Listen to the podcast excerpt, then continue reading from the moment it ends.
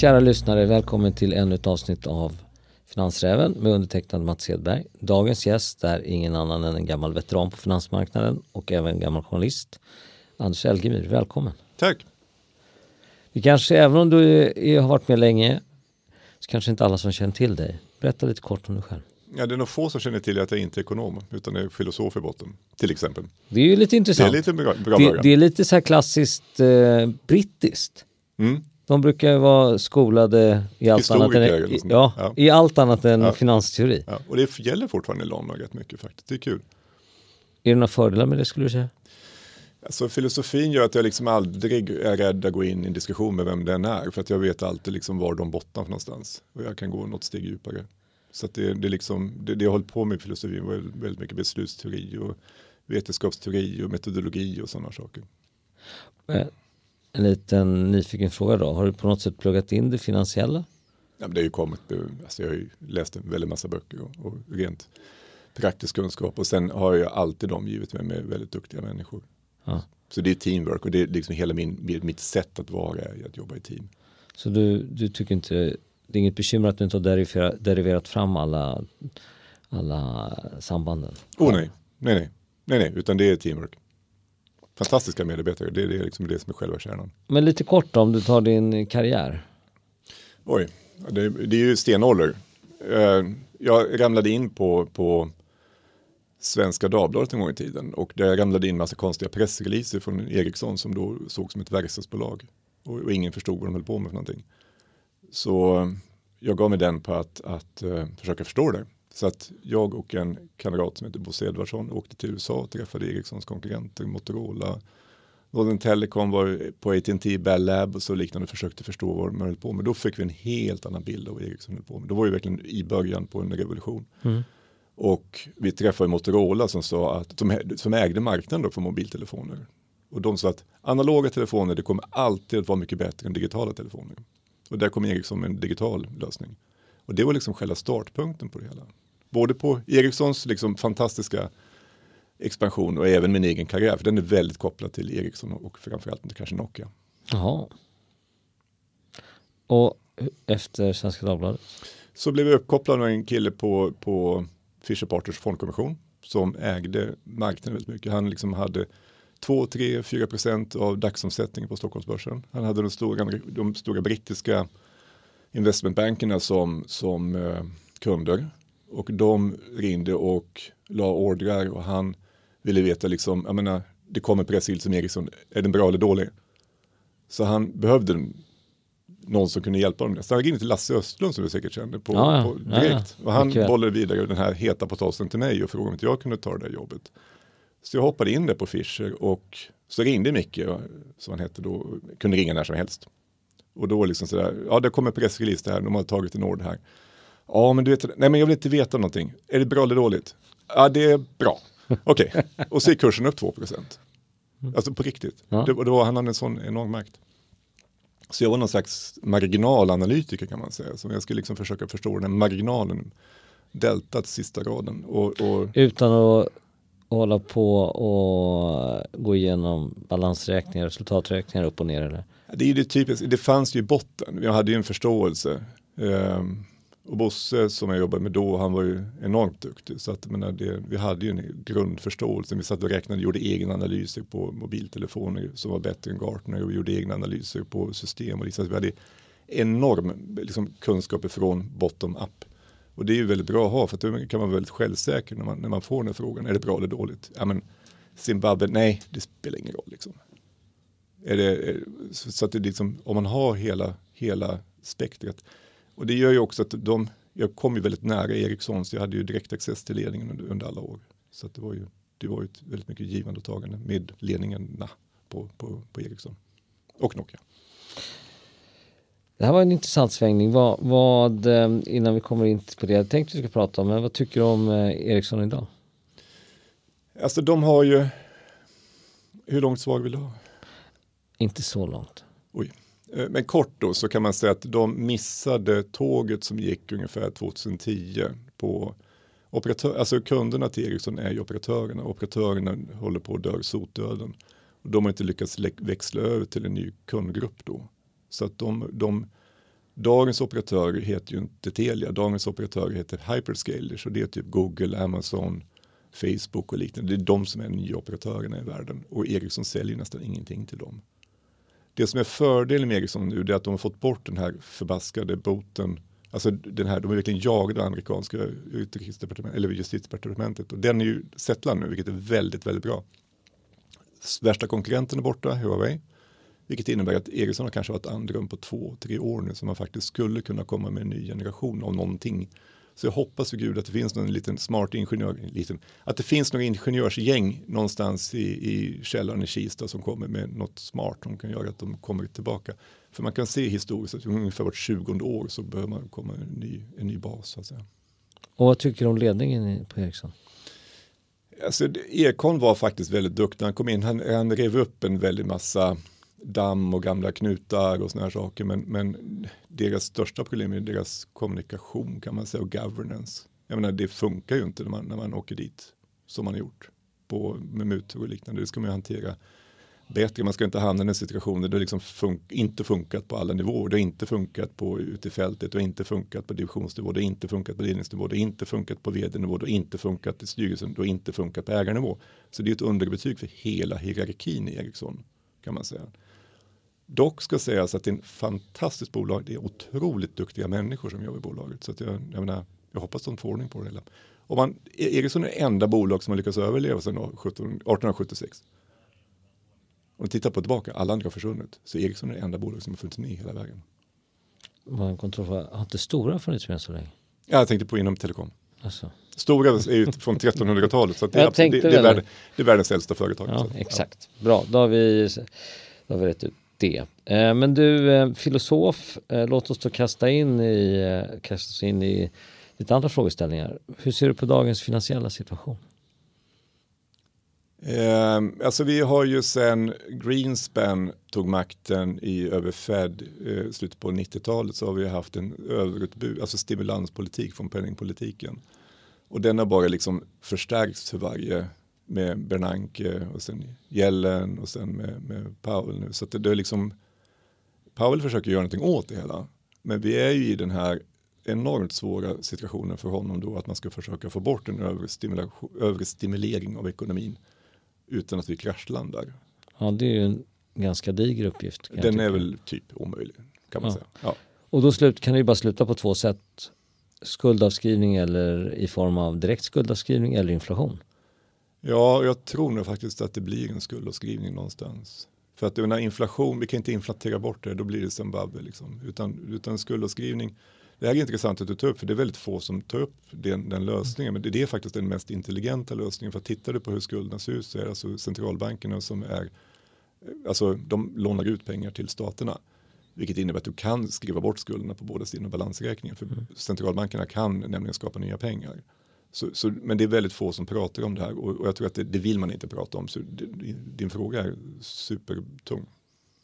Nej men det här gjorde man ju, om jag kommer ihåg det rätt, ganska mycket på kanske 1700-talet när man när Europa krigade eller höll på med kolonisationen och krigade med varandra och staten tog upp enorma mängder lån. Då gjorde man ju mycket skuldavskrivningar. Vem är det som är äldst av dig och mig egentligen? Um, 1700-talet? alltså jag har inte varit med sedan dess men jag, jag, och jag läser inte så mycket böcker men någon enstaka bok har jag passerat. Ja. Um, och då vet jag, om jag kommer ihåg rätt, att alla länder som gjorde skuldavskrivning fick problem utan, utom England. För de blåste aldrig befolkningen vid sina mm. skuldavskrivningar. Jag vet inte om det här är korrekt men, men eh, men då skulle man rent tekniskt kunna göra det. Alltså, skuld, skuld, alltså för inflation det är ju att blåsa befolkningen. Så, det, ja. Ja, så är det. Och det kan man ju säga på ett sätt har man gjort det mm. fast in, bara delar av befolkningen. Vissa andra har ju fått eh, vi har haft inflation i tillgångspriser hur länge som helst. Ja, men det är det som är så sjukt. Jag menar, nu, jag, definitivt inte på vänsterkanten, men, men liksom, det är lite sjukt att vi, vi liksom inflation som gör att de, de som är arbetarklass, om det nu finns någon sån kvar, medelklass. Jo, det finns ja, det. Som, som då får, får inflateras bort medan man skjuter ut pengar i ekonomin så, ja. så tillgångsvärdena ökar. Det är ju mm. väldigt konstigt ja. egentligen. Så um, det blir spännande att följa det här. Vad, vad, så du tror på en skuldavskrivning, tror du på Hur tror du att marknaden kommer att utvecklas? Nej, men det måste, för att det ska bli en skuldavskrivning måste det bli en ordentlig krasch först. Vi är ja. ju i en krasch nu. Det känns ju inte som att den är megastor. De, de är ju blivit allt mer duktiga på att hantera det. Så tittar man på Feds balansräkning så, så går det uppåt igen nu. Nu ökar de tillgångsmassan på Feds balansräkningen på grund av att man skjuter ut pengar till, till de amerikanska bankerna. Så den här åtstramningen som, som Powell började, den är faktiskt avbruten. Och det är därför börsen går upp. Så att det, det, vi, vi tar ju inte smällen nu om, om vi säger så. Så rent, rent börsmässigt så kan man nog säga att det, det ser ut som att det finns ett fönster nu för en fortsatt börsuppgång. Eh, vilket då är då på, på ska säga, man ska vara väldigt nära utgången. För det kan ju som, som du förstår då smälla en gång till. Ja, eh, finns det risk för en systemkrasch? Skulle du säga det? Ja, jag skulle nog säga att det vore nästan det, det, kommer ju att komma. Sen om det sker i år eller nästa år, så, men det, det kommer ju att ske för att det är så stor, det är som geo, vad kallas det, sådana här plattor du vet som mm. under jorden. Men där spänningen byggs upp och en dag så smäller det liksom.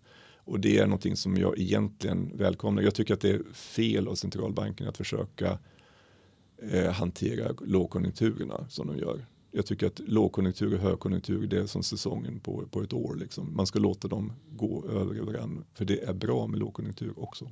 Ja, men man vill ju nog inte ta marginaleffekterna. Tyvärr inte. Men, men varför ska de sitta där som någon slags eh, smågudar och, och försöka styra ekonomin? De klarar inte av det. Kan du se framför att vi får ett Japan-scenario? De, de har ju sedan typ början på 90-talet eh, bara smetat ut sin lågkonjunktur, aldrig haft någon tillväxt, stort sett nollräntor, en yen som har ja, varit ganska svag. Mm. Ja, det är en dysfunktionell marknad och det är möjligt att det är en utveckling vi får se. Jag tycker att den är väldigt odemokratisk. Jag tycker att den är ut, ett demokratiskt perspektiv ett stort problem för att då flyttar man makten till, till ekonomerna. Har man inte redan gjort det? Jo. Um, så nu likvidiserar man ekonomin lite grann. Vad kommer hända i eh, Europa och Sverige tror du? Sverige har ju lite speciella problem. Den stora, den stora problemet som vi har det är att vi själva har satt oss i en energikris. Ehm, för att vi har för snabbt försökt ställa om till icke-fossilfri eh, vad heter det, samhälle utan att vilja blanda in kärnkraft. Hade vi behållit kärnkraften så hade det sett bättre ut. Så Men både i Tyskland och Sverige har vi plockat ner kärnkraften vilket gör att vi har liksom skapat en energikris. Och den ligger bakom inflationen. Mer än folk tror. Mm. Man, man skyller på Ukraina-kriget, men det är inte sant. För energikrisen började innan, oljepriset gick ju upp innan. Tittar man på oljepriset så pikade det exakt samtidigt som Ukraina-kriget bröt ut. Och du menar att det är tillfälligheter? Nej, det är ingen tillfällighet. Det finns inga tillfälligheter gäller oljepris. Är det någonting som är riggat så är det oljepriset. Eh, men utan vad jag försöker säga är att den, i Sverige så kallar man det för Putin-effekten och liknande. Det är en lögn. Men det, är en sån där, det, det här är lite intressant för du frågar lite grann vem jag är. Min drivkraft är inte pengar. Min drivkraft är någon slags, jag har någon slags journalistisk botten. Det är liksom sanningen jag vill komma åt. Jag vill komma åt liksom vad är det som egentligen är, händer där ute. Och, och, när jag ser att det liksom, folk säger att energikrisen beror på Putin så är det inte sant. Och då blir jag upprörd. Liksom. Ja. Det, det är väl liksom få fram, men det stämmer inte. Vad är, vad är den egentliga drivkraften? Någonting annat. Nu blev det här som en eh, Två vägar. Så du är ju fortfarande på marknaden. Fast du har inte sagt vad du gör idag. Ja. Jag, jag, jag är managing partner som det heter på engelska. Men jag är alltså vd för svenska bolaget. Eh, I en grupp som heter Carlsquare. Vi håller på med, med företagsförvärv, försäljningar. Vi håller på med börs, börsintroduktioner. Vi håller på med aktieanalys. Men ni mäklar inte va? Nej, alltså vi gör väl det. Också kan göra. Men, men det är liksom mm. inte vårt primärfokus. Vi har inget mäklarbord. Mm.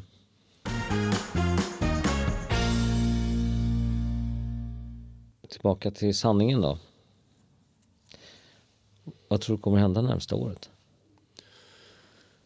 Eh, det finns väl egentligen två vägar. Ändra så, så det, det, det är det som är så trist som analytiker. Att, menar, normalt sett ska man ju titta på fundament och titta på hur, hur ser vinstutvecklingen ut för bolagen och så där. Men det är ju inte riktigt det som är, man, man, kan, man kan göra det för enskilda bolag och göra stockpicking. Absolut, den kommer att funka i år. För det, det är mer liksom traders market, det är stockpicking, det är mer intelligenta, man kan inte köpa index bara, man måste ner några nivåer för att hitta de här vinnarna. Det är den fördelen med den marknaden vi har.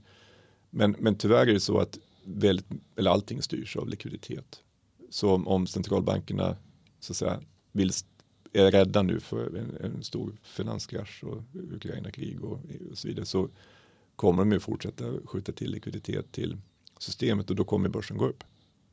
Och, och då kommer kraschen att skjutas längre fram i tiden. Eller så kommer man inte att göra det. För det var så att när Powell blev, blev Fed-chef så försökte han vara en hök. Han försökte. Men blev utmobbad av Trump. Så när sen Trump försvann så fick han en ny chans att bli hög. Och det är det han försöker genomföra nu. Så han, hans stora förebild heter Paul Volcker som var Fed-chef på 80-talet. Som då vi har jättemycket att tacka om för att han fick bort inflationen i systemet efter oljekrisen. Så att man kan titta på att räntan har gått ner 30 år sedan han gjorde mm. det här i början på 80-talet. Och det har vi haft medvind av i 30 års tid. Jag har en god vän som har varit eh, vice riksbankschef, jag kommer inte säga vem det är, men eh, vederbörande sa till mig att eh, jag kom in som hök men jag blev duva under resan. Mm. Så att jag tror att det är systemet liksom fostrar mm. individen. Mm. Det där det är superintressant att säga. Tidén är ju hök på riktigt. Jag vet. Ja, så det, det, det där är faktiskt den riktigt intressanta frågan. Kommer det bli duva eller inte nu när man går in? Man har många polare ute på marknaden som eh, säkert kommer att säga både ett och annat till honom. Ja. Och eh, på det temat så ska det bli väldigt intressant att se, nu blir det lite filosofiskt hur Ingves kommer att, hur historien om Ingves kommer att skrivas om. Tror jag, för jag tror att den kommer att skrivas om. Ja, alltså jag har ju, jag vill inte vara elak, men han har ju inte gjort jättestora intryck på mig. Så berätta, vad är det jag har missat? Jag tror inte att du missar någonting. Jag tror att det är eh, Jag tror att han har ett ett alldeles för bra rykte egentligen. Ja okej, okay. okay. men då är vi på samma sida. Eh, så, mm. eh, det kan ju låta icke ödmjukt att säga så men, men därför att eh, nu hoppar jag lite grann men det här är, det finns en intressant sak här. Vi har haft en krona som har gått svagt. Jag tror att det beror mycket på att eh, Riksbanken har praktiken dödat svenska statsobligationsmarknaden. Man har, eh, jag tror att man har 80% av stocken i sin balansräkning. Och resterande 20 sitter på svenska institutioner som måste placera på grund av sitt placeringsmandat som stora svenska typ pensionsinstitutioner så har tagit i stort sett resten. Så att svenska marknaden för statsobligationer har eh, i praktiken försvunnit. Och det betyder att det finns inga väldigt lite svenska statsobligationer ute på utlänningarna. Mm. Nu kan det här låta som att jag är verkligen ute i tangentens riktning men det gör ju också att eftersom utlänningarna inte köpt svenska statsobligationer så också försvunnit ett, en, ett efterfrågan på svenska kronor. Mm. Nu ska centralbanken, Riksbanken ta bort 80% under en tidsperiod. Vilket betyder att man, jag tror att Thedéen vill få, och han har markerat det här ett par gånger. Han vill få igång handel i svenska statsobligationer och det kommer att skapa ett tryck på att köpa kronor som vi inte har sett. Mm. Vilket kan ha positiva effekter. Jag vet inte om du eh... jag håller med din analys. Den, den är viktig och, och Thedéen har, har eh, djupa kunskaper i obligationsmarknaden. Ja. Så, så han, han är ju väldigt oroad för att bankerna eh, bankerna, alltså Finansinspektionen tittar väldigt mycket på bankernas skuldsättning. Men om man ska vara noggrann så är det ju inte bara bankerna som ingår i bankernas skuldsättning utan även fastighetsbolagen. För att de är så intimt förknippade så att det är en slags derivat på bankerna. Så går fastighetsbolagen omkull så slår det på bankerna. Så det är därför, och då kan man säga att det är väldigt lite aktivitet på, på företagsobligationsmarknaden. Det är väldigt, väldigt få underratade bolag som har gjort, lyckats genomföra obligationer. Utan det man ser är att nu går de till kapitalmarknaden och vill ha equity istället. Alltså mm. gör nyemissioner istället. Det här är någonting som jag vet att han har väldigt, väldigt, han har falkögon på det här. Så precis som du säger så är det superintressant. Frågan är om det verkligen kan sälja ut svenska obligations, om det finns köpare där eller inte. Men, men jag tror att vi har sett toppen eller botten, vad du kallar det för, för svenska kronan. Att den kommer att stärkas nu. Att det, det är liksom pendeln slår, slår över andra riktningen. Det enda är att man har ju hört det hur länge som helst. Ja, fast du, tekniskt så kan du se en topp ja. och då byter riksbankschef Och Ingves verkade ha någon slags... Så, som teknisk analys menar du? Ja. ja Okej, fortsätt. Så, så äh, Ingves verkade ha en, en, en, en för att fortsätta det spåret, en syn att, att, att ha en svensk, svag svensk krona var ett, ett sätt att få upp inflationen. Äh, ja. De har ett idiotiskt inflationsmål i, i hela världen som är 2 procent oavsett vad som händer i omvärlden så är det alltid 2 Det är ett heligt mått som ingen kan förklara varför det är just 2% förutom mm. att det råkar vara ungefär 2% när de satte målet. Det finns ingen mer eh, intelligens än så. Så jag tycker att man borde ändra inflationsmålen i världen. Men om det, om det är en period med högre inflation, ja men låt det vara högre inflation och sen kommer det skölja igenom systemet. Ja. Var lite pragmatiska, men de är akademiker, det är det som är felet. De här människorna har inte varit ute i marknaden. Nej men de har ju eh, läst 60 poäng nationalekonomi. Vilket jag inte har, så det, det, är det som är skillnaden. Ja. De har ju lärt sig derivera fram allting, mm. men det är, i botten finns det ju ändå humaniora. Alltså det här är ju humaniora i grunden som man har försökt göra till en naturvetenskap. Mm. Och då blir det ju, ja, ja. Och då blir det ju du som är filosof måste ju också, då blir det ju fel egentligen per definition. Ja, nej, men jag började ju läsa nationalekonomi, det var, det var studsade omedelbart på begreppet ceteris paribus. Som är ja. att man en gång, när en gång ska gör, genomföra en, en, en, en eh, en studie så måste du alltid slänga in att allting annat lika. Ja, men det är aldrig så. Det finns inte det tillfället att allting annat är lika. Jag ser det verkligen. Eh, plus att det du, eh, det du gör för att derivera fram sambanden, om man nu får vara lite raljant, det är historiska serier. Men när verkligheten har förändrat sig så jobbar du med en karta som inte har med verkligheten att göra längre. Ja, och sen mäter de. De gör, ju sina, de, de, de gör ut, utifrån vad de kan mäta. Exakt, men om, ja. om mätvärdena är fel, ja, fel, så håller de sig ändå till mätvärdena. Exakt. Bra, då har vi, men har vi eh, eh, Finns det ingenting vi är oense om? Nej, jag, vi, jag hoppas vi kommer till det. Ja. Jag, jag, vet inte om det är, det här är egentligen ingen eh, syfte inte att vi ska sitta och debattera. Syftet är att vi ska tanka av dig egentligen. Och ett samtal som, som någon tycker är intressant att lyssna på. Förutom du och jag då. Um, har vi sett toppen på styrrätten snart?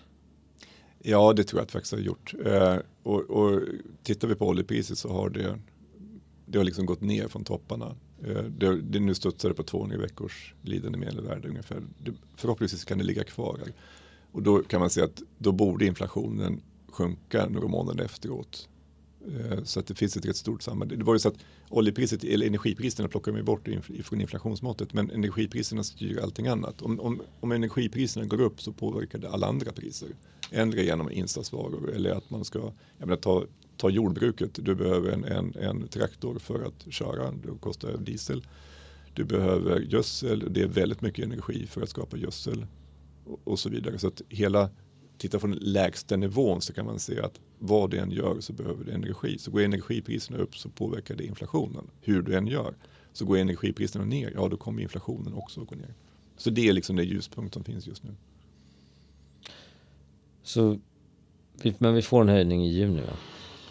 Jag, är inte på den nivån, men det antar jag att vi får. Ja, ja. Det, det, är lite så 90 grit i juni, långt bort. Men håller du på mycket med teknisk analys för att bedöma de här sakerna? Faktiskt, eh, vilket då är sådär no-go i Sverige. Men, men eh, det är inte så konstigt man tänker på. Jag, jag jobbade väldigt mycket med, på Fischer så, så jobbar jag ju nära alla stora traders, jag kände ju allihopa. Eh, och, och sitter du där och handlar så, så blir det teknisk analys till slut. Du kan inte bara handla på nyheter. Och om du tänker på det så kanske 95% eller 98% av alla handel idag sker med datorer. Vad använder datorerna? Teknisk analys.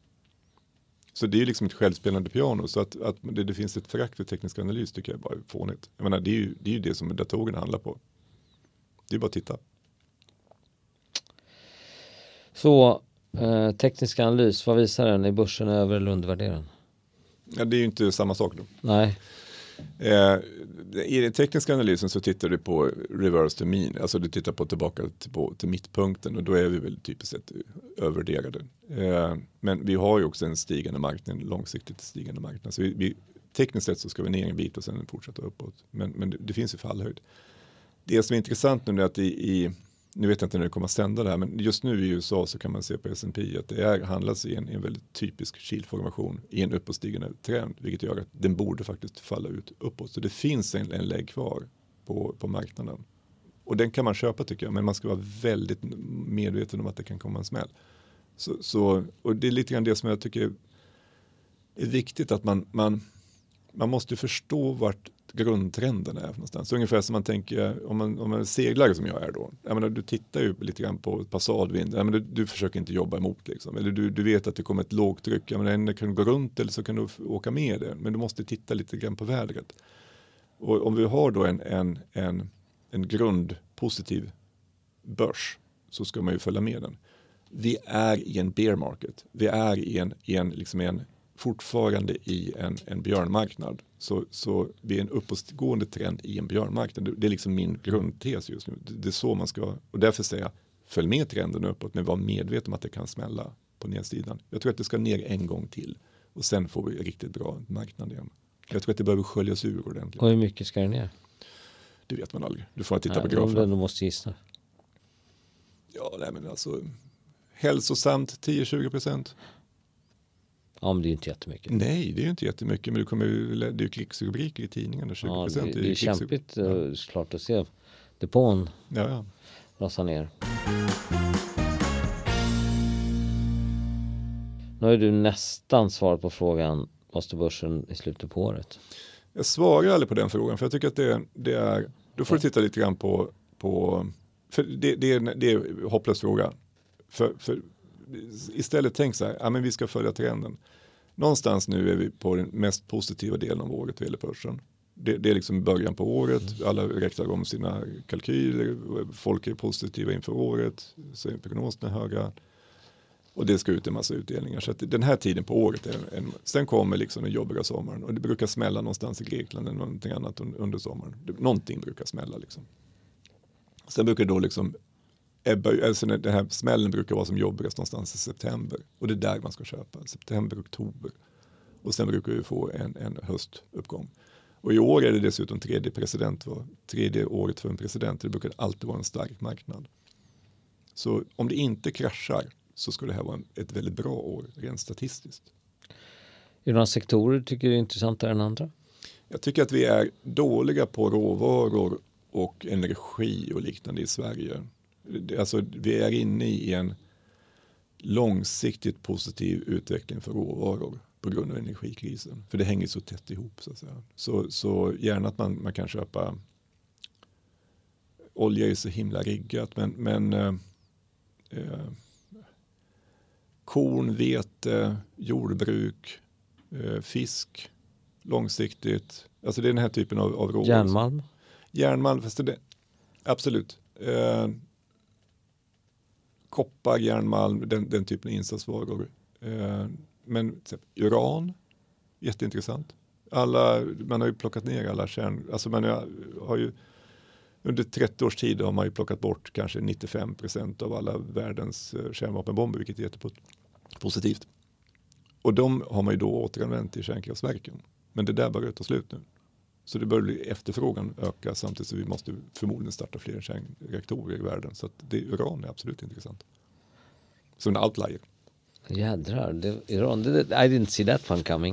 Uh, Eller hur? Nej, verkligen inte. Och då är det någon, som, någon som säger ESG. Jag, menar, jag, jag tror att, men även FN liksom säger att vi måste ha mer kärnkraft för att klara av klimatomställningen. Det bara är så. Alltså är, man kan ju vara mot kärnkraft in the long run men tycka att in, på kort sikt ska man Vi behöver det liksom på, på jag, menar, jag håller med. Säg, säg att vi åtminstone på med, kort och medellång sikt behöver kärnkraft. Sen kanske vi löser energikrisen på annat sätt. Alltså, jag, jag, kan vara bekymrad över vad som kan hända med kärnkraft men det, det har ju liksom redan, där är vi ju redan idag. Så mm. att, ja.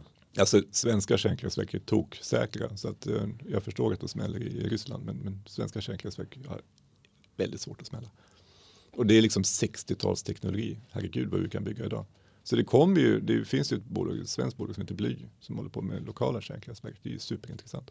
Alltså är det småskaliga saker? Ja, ja. Det är den nya trenden. Liksom. Ja. Och det kan vi se på Ukraina-kriget. De här lärdomen från Ukraina-kriget är de här storskaliga systemen där, där vi har en punkt, alltså stjärnnäten så att säga, vad gäller telefoni och el och, och, liknande är ju, är ju inte bra i ett krig. Liksom. Det, det har ritats om mycket på det där kriget måste oh ja, jag säga. Oh ja. Och även covid, alltså hela försörjningslinjen ja. har ju fått en eh, riktig käftsmäll. Alltså det här vi går igenom nu, det, det, det kommer ju vara en jätteintressant period för historikerna. Det är ju lika stort som när muren föll. Alltså den period vi går igenom just nu. Ja. Det är, det är hela världskartan, hela globala världskartan ritas om som, eh, just nu. Ja, men alltså vi kom, det är helt fantastiskt. Först kom ju covid och, och med den omritningen och sen så var det ett OS och sen kom invasionen av Ukraina. Ja. Och sen kan du se då polariseringen, det det smällde mellan, mellan USA och Kina. Det vi kan se att den, den, den, här gulliga globala trenden, alla skulle vara vänner med alla. Mm. Den är ju borta. Och den var i 20 års tid, efter, efter 98, alltså blir det 89 när, när muren föll. Så har vi haft en, en, en det, guldålder kan man säga. Ja, okay. Och den är över. Kommer vi se en mer fullskalig protek protektionism tror du? Oh ja, absolut. Den, den ser du överallt redan nu.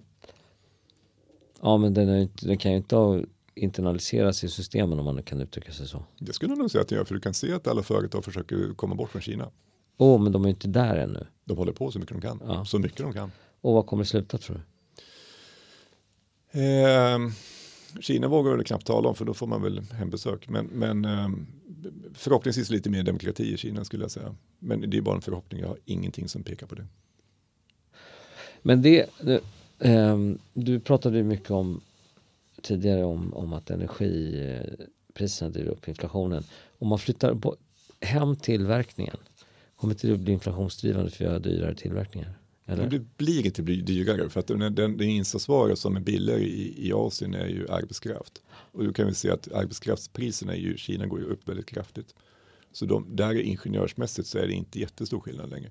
Och det som man plockar hem blir ju ofta då automatiserat på något sätt. Okay. Så det innebär att de, det Så blir... du är inte så bekymrad över det här? Nej. Nej. nej, nej, nej, jag är bara positiv. Alltså, förlåt. Jag tycker att det är bra med internationell handel. Men jag tycker att de här logistiklinjerna blev för långa. Ja. Så att eh, kortare logistiklinjer gynnar alla. Och sen kanske man skulle försöka ha lite mer på lager än vad vi har haft. Du var inne på, vi kommer tillbaka till, för jag vet ju att alla är så intresserade av vad de ska, vad de ska köpa för någonting. Förutom eh, råvaror, har du några andra sektorer som du tycker, som du är bullish på? Nej, men jag, jag tycker att för, för eh, ja, men en, en, sak som man skulle kunna köpa just nu för att det, det, det är faktiskt, jag hatar att säga det, men det, men det är svenska banker och kanske Investor och liknande. För att det, svenska banker kommer att överleva den här krisen. Men pressas ner då för att multiplarna på alla banker i hela världen. Man glömmer bort att det, det banker är en commodity. Det liksom handlas över hela världen. Och när bankerna pressas ner som de gör i USA nu. Så, och jag menar Credit Suisse och sådär. Så, så, så, så vet vi att bankerna, svenska bankerna kommer att överleva. Så försök att plocka dem på, på, på nedställningen skulle jag absolut säga. Och eh, kan man gå över hela linjen eller ska man, finns det några, någon som är speciellt intressant? Jag, jag gillar alltid SE-banken till exempel. För att? Ja, det är en välskött bank. Men de flesta svenska banker är välskötta. Så att, jag tror inte man behöver vara jätteintelligent mellan, att plocka mellan Nordea och Swedbank. Och, där, där kommer den tekniska analysen in. Om du, om du vill ha liksom ett pick där, då skulle jag sätta mig och titta på graferna och försöka se vilken som är mest intressant faktiskt. Och det har inte de framför mig så jag kan inte ge nej, nej, nej, nej, nej, nej, men det kan ju våra lyssnare göra själva, själva ja, ja. tycker jag. Eh, och Investor sa du? Ja, men jag tycker att det är Investor, EQT, eh, otroligt duktiga människor. Som, som Framför industrivärlden eller? Eh, jag kan inte industrin, jag känner inte dem på samma sätt. Eh, så så jag, jag, skulle inte, jag menar, det finns flera investmentbolag och liknande. Men jag tycker att det finns ju fördel att äga investmentbolag framför, framför fonder. För när fonderna betalar en avgift, investmentbolagen betalar ingen Nej. avgift. Och så får du lite utdelning, det tycker man. Ja, så att jag, och då är de välskötta. Titta på förvaltarna liksom. Och då, då många tittar på historiskt och track record. Jag tycker att det, det, det, det finns skäl att, att köpa dem faktiskt.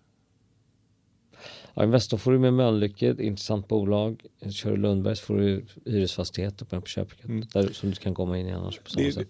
Exakt, och det, hyresmarknaden är ju Ja, men jag tittar på huvudstaden till exempel som är lågbelånad och har, har verkligen prime eh, kvarteren i, i, centrala Stockholm och, och, liknande. Så att det finns ju inom fastighetssektorn finns det ju saker att plocka framförallt. Ja, om du skulle välja fastighetssektorn, vad skulle du ta då? Jag skulle köpa huvudstaden till exempel. Det framför hyresfastigheter? Eh, Ja, det var jag inte riktigt beredd på frågan så jag skulle faktiskt behöva titta på, på, på det hela. Vi ska tänka här. Eh, hyresfastigheterna får ju en liten smäll för du kommer inte kunna få ut hyreshöjningarna så de får betala med den stigande räntan tror jag. Så, så där är det ju, de ligger lite pyrt till. Men de är Däremot sjukt, ner, de är Ja. sjukt nedpressade. Ja, ja. Nej, men det, det är det jag försöker säga, att menar, det, det finns saker att plocka inom, inom fastighetssektorn. Vi gör så här, jag fixar underlag så skriver vi en artikel om det. Ja, vi gör det. Vi gör det. Eh, bra, det här var ju intressant. Vi börjar närma oss slutet. Är det någonting vi inte har berört tycker du? Nej, jag tycker bara kul samtal, Ja. Hoppas att lyssnarna tycker det. eller hur? Ja. Tack så hemskt mycket Anders för att du kom hit. Och eh, jo, du har ju missat en sak. Ja, göra lite herregud. reklam Ja, ja. för din verksamhet. Ja, tänker herregud. vi bjucka på. Ja, det är väl schysst. Ja, men det var lustigt. Det är, en, det är en stor dag för oss för att vi, vi öppnar kontor i USA. Så det är två, eh, två partners som har byggt upp en verksamhet, Susan och Cooper, som har byggt upp i, i USA. Hon har jobbat i till till exempel Nasdaq. Hon är supertung, eh, jobbat med, med Episerver och liknande och plockat i även, alltså gjort mycket cross-border i USA, Europa. Cooper har varit eh, ma chef på Microsoft, känner alla i, i hela tech Silicon Valley. Så att vi, vi öppnar kontor nu i dag Och var? i Silicon Valley, Silicon. Ja. Och, och i San är, Francisco. är det fler än två? Ja, det är eh, 15 personer totalt. Som ni köper eller som ni öppnar? Nej, alltså det, det är en eh, det, det är en, mer ses som en merger. De kommer in och det är lite grann så vi bygger verksamheten. Vi, vi hittar något bra gäng någonstans. De köper in, alltså de, deras aktier byts in och sen får de aktier i bolaget istället. Eh, så, så de är, blir ju partners i, i bolaget. Så vi är definitivt på samma sida. Så det ska bli superkul att få den här. Jag har ju redan bra kontaktnät i USA men det, det är ändå en stor skillnad att sitta i, i San Francisco och med personer som har riktiga kontakter som kan verkligen ett telefonsamtal bort och når du alla stora på Google eller Amazon eller vad du vill. Då känner ju alla. Wow, det här kan bli en intressant uppföljningspodd kan jag säga. Mm, jättegärna. Och kanske med någon av dem. Tack snälla för att du kom hit. Tack snälla. Och jag hoppas du får en fin dag. Tack, tack. Bra.